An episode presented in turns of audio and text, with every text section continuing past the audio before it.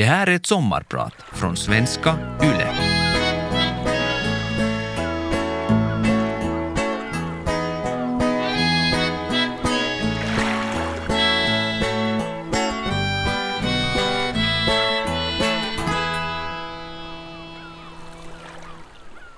Under det senaste året har jag varit en maktgalen krigsherre. En människorättskämpe. Ett våldtäktsoffer och en 21-årig lesbisk bombshell på olika scener i Sverige och Finland. Jag är alltså skådespelare. Hela tiden bygger jag nya identiteter på jobbet. Som privatperson orkar jag sällan grubbla på det där med identitet. Men på sistone har jag faktiskt gjort det. Främst på åldersidentitet. Jag tog mig identiteten partyprinsessan redan i tonåren. Och så har det bara fortsatt. Men på sistone har jag frågat mig själv, vem är jag? Eller kanske snarare, vem har jag riktigt blivit? Jag, partyprinsessan, som aldrig tackat nej till fest och som alltid stannat kvar tills festen är slut. Och gärna en stund efter det till och med. Och som älskat storstadsliv, flyttat runt, bott i en flyttkartong, älskat min frihet. Livsmottot work hard, play hard har inte känts helt främmande. Jag har nu köpt bil, köpt lägenhet och sommarhus. Eller villa, som vi säger i Österbotten. Men det är nog ingen villa, utan ett litet rödmålat torp som ägs av tre generationer kvinnor. Inte en kar så långt ögat når. Och där älskar jag att snickra och bygga och odla. Jag läser trädgårdstidningar och knarkar trädgårdsprogram på nätet. Vad har hänt? Jag fyllde 37 år i våras. Kan det vara så att partyprinsessan har blivit vuxen? Äntligen, suckar någon. Men när blir man vuxen? När man tar sitt första stora banklån? När man får barn? När ens föräldrar dör? Jag vet inte.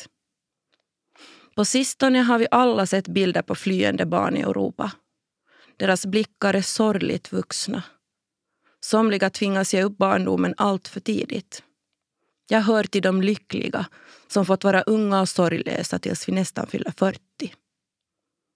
Idag ska jag ta er med till min favoritplats på jorden. Till byn Svarvar, där sommarstugan finns. Det ska handla om kärleken till en plats, till min kvinnoklan för jag tror att det är just de här sakerna som allra bäst definierar vem jag är. Mitt namn är Tuuli Heinonen och just nu iklär jag mig identiteten Vegas sommarpratare.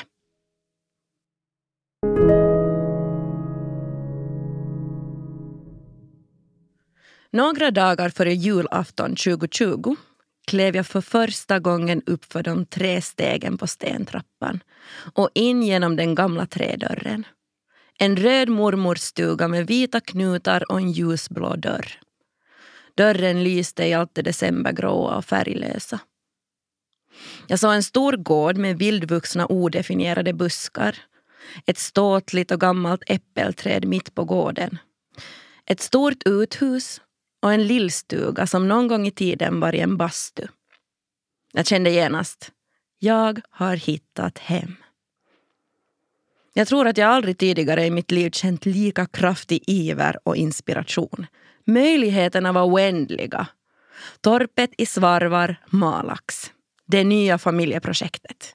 Tre generationer kvinnor skulle nu påbörja ett arbete tillsammans. Jag, min stora syster, min mamma och mommo. Nu jävlar! Januari, februari och mars var olidliga. Jag var i Helsingfors, långt, långt borta från Svarvar. Exakt 395 kilometer. Jag arbetade så mycket som pandemin tillät, vilket inte var hemskt mycket för oss i teaterbranschen. Mestadels satt jag i min etta på Drumsö med datorn i famnen och plöjde igenom flera säsonger av trädgårdstider. Samtidigt som jag för fullt antecknade alla tips och idéer i min anteckningsbok. I april fick jag nog. Det kändes helt enkelt inte rättvist att mamma och mommo när som helst kunde sätta sig i bilen och åka iväg till stugan och inspektera snösmältning medan jag fick lov att delta via Facetime. Jag kände att jag borde bo närmare vår nyinförskaffade sommardröm. Så jag kontaktade banken. Jag förstår fortfarande inte hur det gick till, men jag blev beviljad bostadslån. Trots att jag varken har fast tjänst eller har bostadsspara. Och just då var jag dessutom arbetslös. Förra sommaren flyttade jag in i min alldeles egna tvåa i Vörastan, Vasa. Det skulle jag ju aldrig göra hade jag tänkt. Men i Vasa var jag och det kändes faktiskt skönt. Hux flux hade jag köpt världens billigaste och fulaste bil också. Jag som aldrig skulle skaffa bil. Men i Vasa behöver man en sån. Dessutom var det otaliga blomjordsäckar som skulle transporteras till torpet. Och orkan jag sen konstant låna bil av mamma. Jepp, då har ni fått höra allt vad jag köpte i fjol. Sommarstuga, lägenhet och bil. Jag känner ett stort behov nu att klargöra att jag verkligen inte är gjord av pengar. På stugan amorterar jag 50 euro i månaden och bilen kostar 500 euro. Billigt och bra. Jag är inte gjord av pengar. Men jag är oerhört privilegierad. Jag har jobb, jag är frisk och det är inte krig i mitt hemland. Jag har nog skapat mig en fluffbubbla för att jag har privilegiet att kunna göra det. Jag är fullt medveten om att alla inte har det. Världen brinner just nu. På så många olika fronter. Och just därför är jag extra tacksam för min trygga hamn. Svarvar.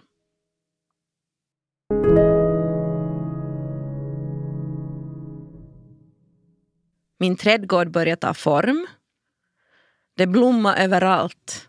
Rosor, solrosor, liljor och dahlior. Ja, nästan allt man kan tänka sig. Färgerna, dofterna och den där känslan som kommer när man själv har planterat allt. Fått det att både överleva och växa och blomma. Bastun i stockändan av uthuset blev klart till midsommar. Livet ändå. Att hugga ved, elda bastu och sen bara sitta där precis så länge man vill och svalka sig på gården i sommarnatten. Jag gick omkring hela förra sommaren och påstod till alla att nu hade jag blivit vuxen. Men vad innebar det egentligen? Jag var lägenhetsägare, bilägare och stugägare. Jag hade helt enkelt börjat äga saker. Tydligen var det min definition på att vara vuxen. Att äga saker. I samband med de här inköpen hamnade jag i alla fall i väldigt vuxna situationer. Många så kallade firsts första gången-upplevelser.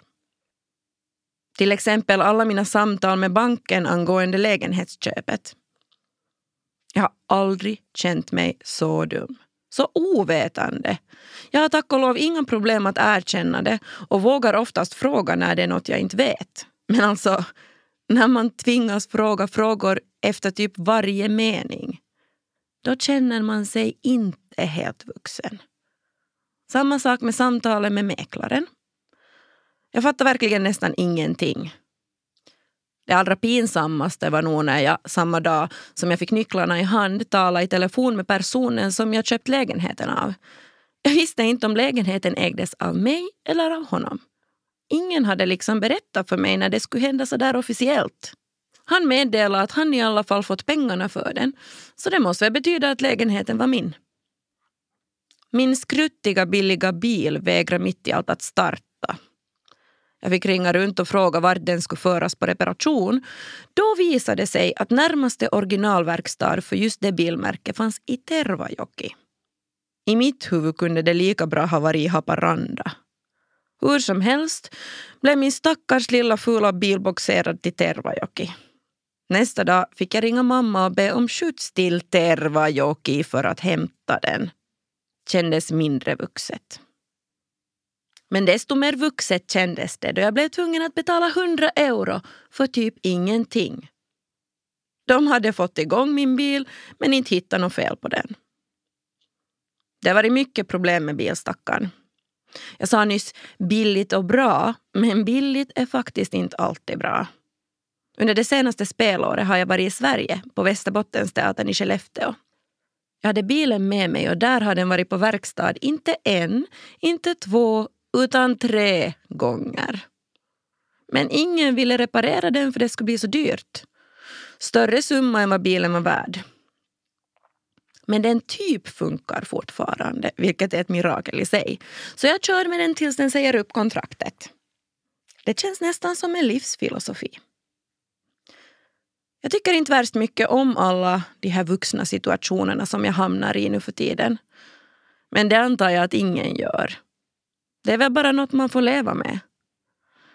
Kanske det är det som är att bli vuxen på riktigt. Att göra vuxna saker utan att gnälla eller tycka synd om sig själv. Jag måste erkänna att jag inte helt har kommit dit ännu.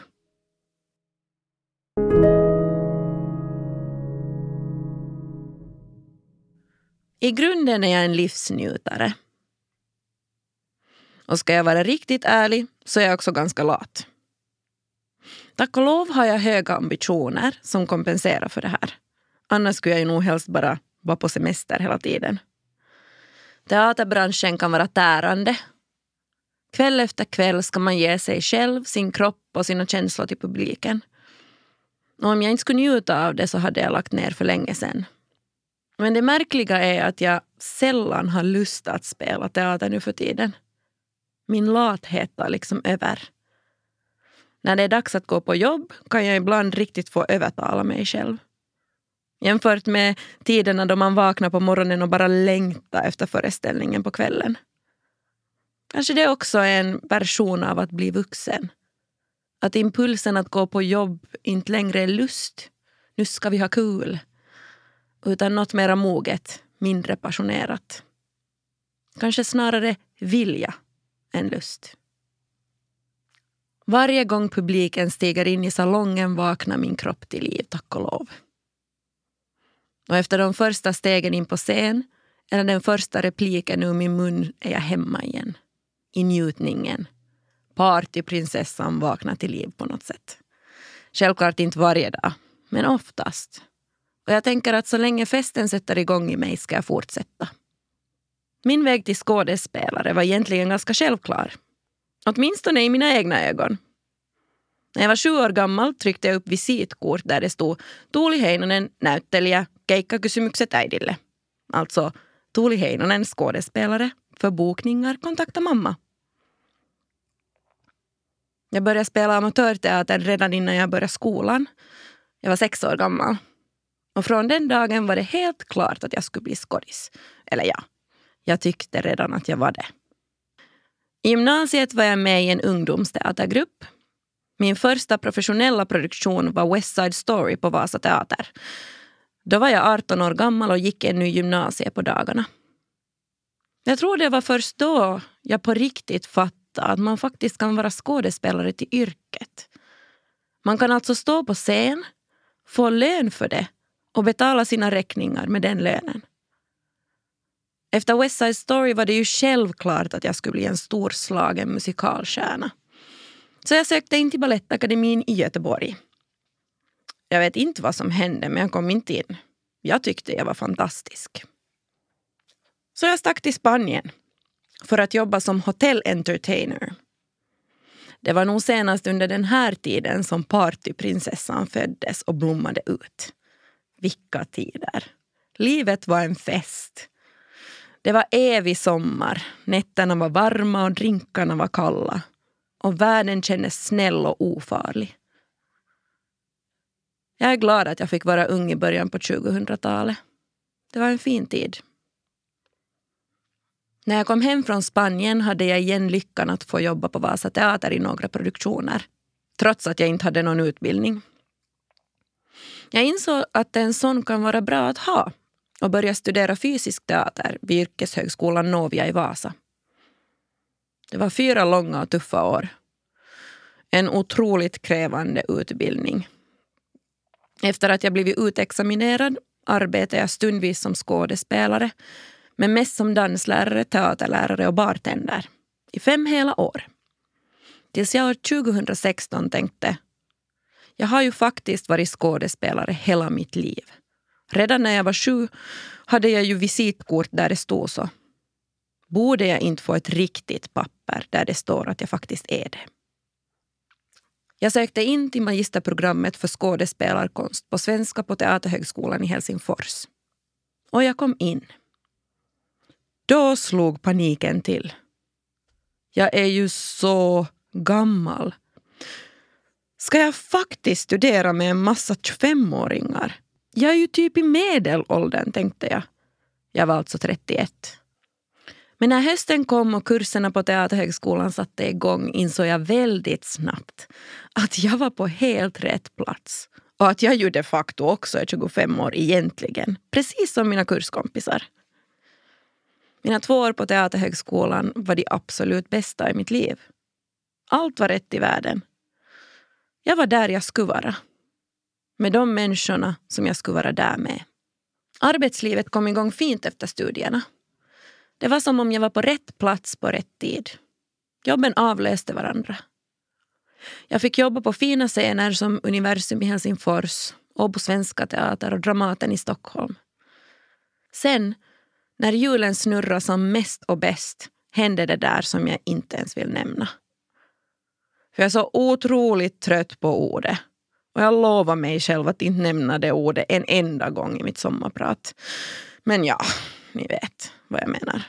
Det där världsomfattande helvetet som pågått nu i några år. Det är lätt att skylla allt på pandemin. Ja, ja. Nu sa jag det, förlåt. Och den har faktiskt ställt till med så mycket elände. Förstås alla människor som drabbats av viruset. Men jag tänker faktiskt på min bransch som nästan dog. Tilläts dö rent av. Men för min egen del var det ändå andra händelser som påverkade mig ännu mer. En familjemedlem, min mammas man, gick bort den första pandemivåren. Hastigt och oväntat. Jag säger bara fuck cancer. Han var en otroligt viktig människa för mig. Han har funnits i mitt liv många år och kändes nästan som min pappa. Det var ett stort slag för oss alla och det lämnade oss som blev kvar i ett totalt chocktillstånd. Jag har inga minnen från sommaren 2020. Vi levde i en dimma. Några dagar efter min mammas mans död sådde mamma bondbönor i en kruka som hon sen ställde på terrassen. Hela den sommaren följde vi hur plantorna växte. Det kändes tröstande. Det tröstade så mycket att utan att jag själv lade märke till det hade jag förvandlat min rumsetta till en djungel. Jag behövde växter mitt i allt. Det var något med omhändertagandet som gav mig ro i kroppen, mitt i kaoset som jag levde i. Trots pandemin hade jag lyckan att arbeta mycket hösten 2020. Eller rättare sagt för mycket. Jag fann mig själv farligt nära väggen. I sista möjliga sekund kom igen en nedstängning av teatrarna. Jag var troligtvis den enda frilansande skådespelaren i världen som pustade ut av lättnad när det hände. Det blev min räddning, trots att det blev många kollegors fall. Min höst hade bestått av två teaterproduktioner på olika teatrar, dubbningsjobb, tv-inspelningar och podcastinspelningar. Jag sprang som en skollad råtta av och an. I rädslan för att bli arbetslös hade jag tackat ja till allt. Vilket ledde till att jag åt nästan alla måltider på olika lokaltrafiksfordon. Det var den enda gången jag satt mig ner. Och mamma, hon var ju i Vasa. Ensam. Det kändes inte heller okej. Okay. Det var nog då som tanken på att flytta hem till Vasa på riktigt började kännas lockande. Sen hittade vi stugan i Svarvar och det var som att något skulle ha blåst liv i oss.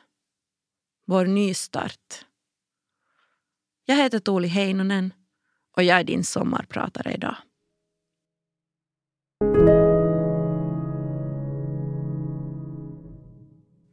Den där latheten som jag just bekände den har jag hittills inte märkt av i svarvar. Lusten att fixa och dona är konstant. Vi började vårt renoveringsprojekt inne i stugan. Alla väggar antingen målades eller tapetserades. Speciellt det där tapetserandet var helt nytt för mig. Men som tur är min över 80-åriga mommo tapetseringsproffs. Så hon fixade medan jag tog hand om målandet. Mammas sovrum fick två underbart romantiska småblommiga väggar. Facebook-loppisarna plundrades på möbler och porslin. Vi fyndade tre sängar, otaliga kaffekoppar och tallrikar och en hel säck fylld med spetsgardiner. Följande stora projekt var att riva den delen av uthuset som är byggd på stock. Där skulle den nya bastun byggas. Och den skulle vi bada i senast på midsommar, hade vi bestämt. Mycket av innearbetet fick vi fixat under vintern så lagom till våren kunde vi börja jobba med gården. Det som jag längtade efter allra mest. Mitt huvudprojekt. Jag hade tvingat min stackars mamma att fröså en massa blommor så också hennes hem liknade en mindre plantskola. Jag visste absolut inget om trädgårdsskötsel så det blev mycket googlande. Det är underbart att lära sig nya saker. Jag börjar med det allra viktigaste, ingången till trädgården. Porten till paradiset. Redan där ska man få en känsla av vart man är på väg. Jag byggde ett valv vid grinden som klätterväxterna skulle växa på. Snickrade i några dagar, igen en gång, helt nya saker för mig. Känslan av att kunna saker som man för några år sedan aldrig ens hade vågat pröva på.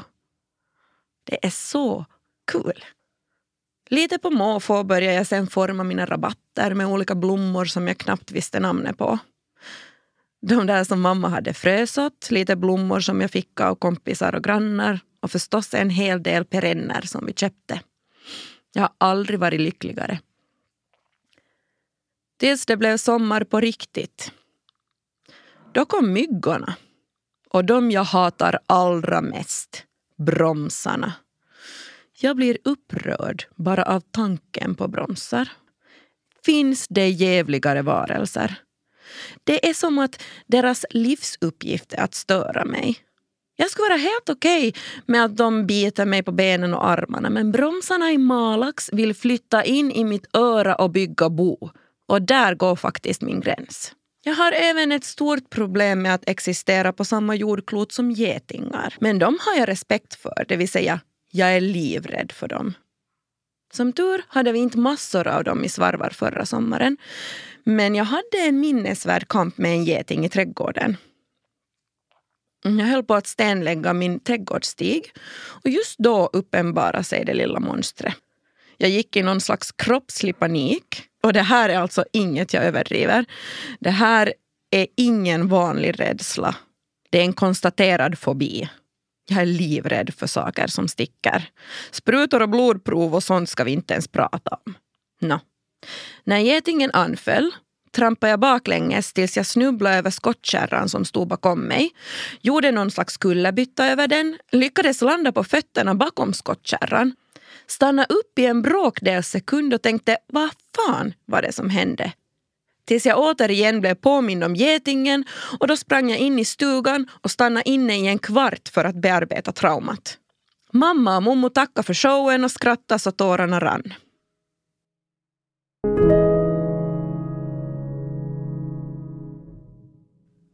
Jag är den eviga singeln. Att gifta mig och skaffa barn, det har jag inte ens varit i närheten av. Jag tror att jag var 24 år när min första jämnåriga kompis blev gravid. De allra flesta av mina vänner har barn idag och lever i ett långvarigt förhållande. Jag har såklart funderat på om det är något som är fel på mig då jag inte har det. När jag aldrig har känt ett behov av att skaffa familj eller att leva tillsammans med någon.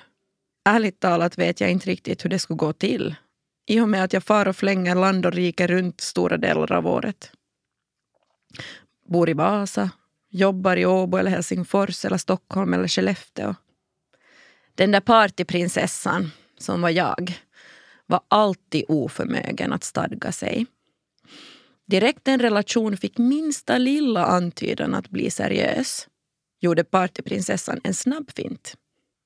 Jag går väldigt sällan på dejt och jag är troligtvis den sämsta Tinder-dejtaren i världen. Jag skriver bara när jag orkar, det vill säga när jag har tråkigt. Om det till exempel figurerar en katt på bilderna blir det utan tvekan vänster swipe. Bort. Jag är allergisk för katter så det kommer inte på frågan. Om det däremot syns en hund blir det ofta höger swipe. Ja tack. En tid löd min profiltext på Tinder typ så här. Jag söker en man i sina bästa år som är beredd att adoptera en hund tillsammans med mig och sen ta ansvar för hunden största delen av året eftersom jag reser mycket. Med andra ord, jag behöver tydligen ingen partner. Jag behöver bara en hund. Under det senaste året har andra egenskaper i Tinder-profilerna blivit tilltalande. Säga till exempel en traktor på bilderna väcks ett intresse direkt. Snickare är också hemskt sexiga, plötsligt. Men allra bäst är ändå profilerna som visar trädgårdsintresse. Alla bergsklättrare och errajor kan slänga sig i väggen. Efter min mammas mans bortgång kände jag för första gången en sorts panik inför framtiden som singel. Mitt i allt slog det mig. Vem kommer att finnas på min begravning? Vem ska ärva mig? Jag blev tvungen att omvärdera mina livsval och faktiskt fundera om det ändå är så att det bästa för mig skulle vara att skaffa familj. Efter några seriösa relationsförsök kom jag ändå fram till att jag har nog inte det behovet. Jag tar gärna emot en partner den dagen stjärnorna står rätt. Men jag kan tänka mig att den relationen inte behöver vara hemskt traditionell. Till exempel känns tanken att bo tillsammans med en partner väldigt främmande. Men kärlek vill jag ju ha. Det vill vi väl alla? Det är mest allt det där runt omkring som jag har svårt med. Och allt det där runt omkring, det slipper jag faktiskt i mina vänskapsrelationer. Jag har världens bästa vänner. Det finns de som hängt med sedan förskolan. Många hoppar på tåget i tonåren och en hel del fångades upp på senare år.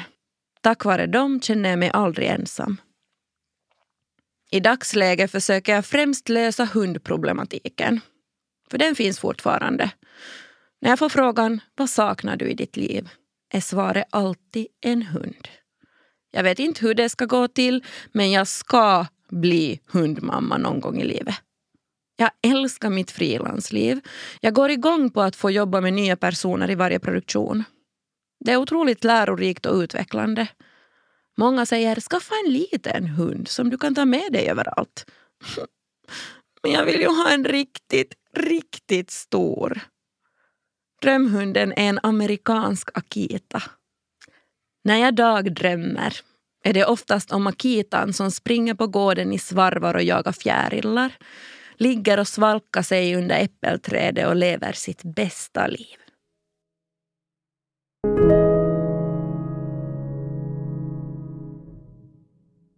Den bästa stunden på dagen i svarvar är när det är dags att laga middag. Då går jag ut runt husknuten till min egen köksträdgård. Plockar åt mig lite lök, gräslök, örter och potatis. Närodlat och ekologiskt. Den stunden är så magisk att just då kan inte ens en mygga, broms eller geting störa mig. Potatislandet. Det är något med att gräva upp potatis från sitt eget potatisland. Lite som att vaska guld. Inte för att jag har vaskat guld någon gång, men jag tror att det är ungefär lika spännande. Hur stora har potatisarna blivit? Vilken form har de? Och hur många kommer upp ur en planta? Det spelar egentligen ingen roll, för ingen potatis har någonsin smakat så gott som den man skördar själv. Och inte bara skördar, man har ju sått också. Och vattnat och skött och allra först grävt upp hela trädgårdslandet för hand. Förvandlat en halvdöd gräsmatta till en ekologisk potatisfabrik. Finsk kvinnokraft. I Svarvar hittade jag också min matinspiration. Eller inte vet jag. Det kan hända att det var Tarek Taylor, den härliga och lite heta tv-kocken i trädgårdstider som väckte mig. Hur som helst är jag den primära kocken på stugan. Mamma och mommo glömmer ofta bort att äta när jag inte är på plats. De menar att det inte riktigt finns tid för sånt trams. Själv skulle jag helst äta hela tiden. Förra sommaren blev det förstås mycket potatissallader i olika varianter och grillen var på nästan varje kväll. Mest nöjd blev jag nog över midsommarens våffelbuffé. På den salta sidan fanns olika grönsaker, sallader, röror och såser och den söta sidan bestod av glass och bär. Hur gott som helst och alla var nöjda. Vi ordnade också en midsommarolympiad. En liten badmintonturnering som direkt blev på blodigt allvar. Pilkastning, mölky, frågesport och bingo. Såklart var det vinnarskallen i familjen som vann. Elina No Mercy Heinonen, alltså min kära mor. Mamma var så lycklig på midsommaren. Det var på något sätt som att hon hade återvänt till hur hon var förr. Innan all död och sorg och skit. Det var ju så här midsomrarna skulle vara. Jag hade ingen aning om att man kunde ha det så bra. Vi har lite olika ansvarsområden i familjen när det kommer till svarvar. Mamma tar hand om gräsklippningen. Hon håller också koll på huskonstruktionen, att taket är i skick, när det ska målas husväggar, tömning av bajsbrunnen och sånt. Mommo är städfriken. Hon har städat lillstugan och fixat den i ordning för att vara ett slags förråd. Mommo är också den enda i gänget som någon gång har bott på landet. Så hon sitter på mycket kunskap. Mommo är liksom snabb-Google. Min syster bor i Uleåborg, så hon är den som är mest sällan på stugan. Hennes uppgift är främst att göra det hon blir tillsagd. Jag och min syster är också gårdens muskler. Om något tungt ska bäras eller om det ska klättras någonstans så är det vi som gör det. Mitt ansvarsområde, utöver trädgården, är bygg. Jag borrar och sågar alltid när det behövs. Favoritverktyget är minimotorsågen som går på batteri. Skyddsglasögonen på och sågen i handen and I feel like a rockstar.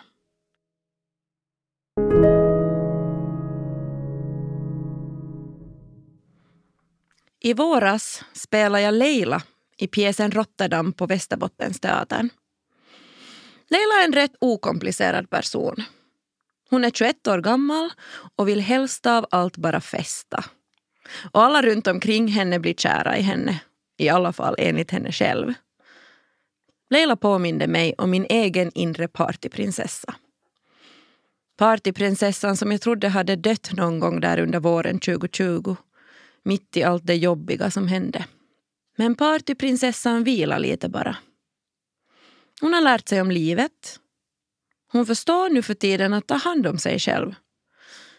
Hon har fått ett nytt intresse för växter och trädgård och hon har ett eget hem. Partyprinsessan må ha blivit äldre. Dagen efter vaknar hon ibland med värk i korsryggen och en bultande hjärna. Nu för tiden kan hon till och med bli sängliggandes i tre dagar efter en fest. Men festerna, de är lika episka som år 2003. På tal om fest. Mittendelen av uthuset ska den här sommaren förvandlas till festsal. Nya hela plankor ska läggas på golvet. Jag har stora ambitioner att själv bygga ett långbord. Får se hur det blir med det. Men oavsett ska det bli långbord där alla vänner ryms. Mysbelysningen är redan införskaffad. Det är också bestämt att mina gladioler i år ska hinna blomma innan frosten kommer. Det lyckades jag inte med i fjol. Så stora fång med gladioler ska pryda långbordet i vaser som mamma fyndat på loppis. Och så ska vi bänka oss runt bordet precis som vi är. Ibland fullkomliga, ibland ofullkomliga. I vissa situationer har jag alltid varit vuxen. I andra kommer jag för evigt att vara ett barn. Tonåringen i mig lever starkt och ibland känner jag mig som en pensionär. Och så får det väl vara. Bara leken fortsätter. Mitt namn är Tuuli Heinonen och idag har jag varit din sommarpratare. Jag önskar dig en fin fortsättning på sommaren.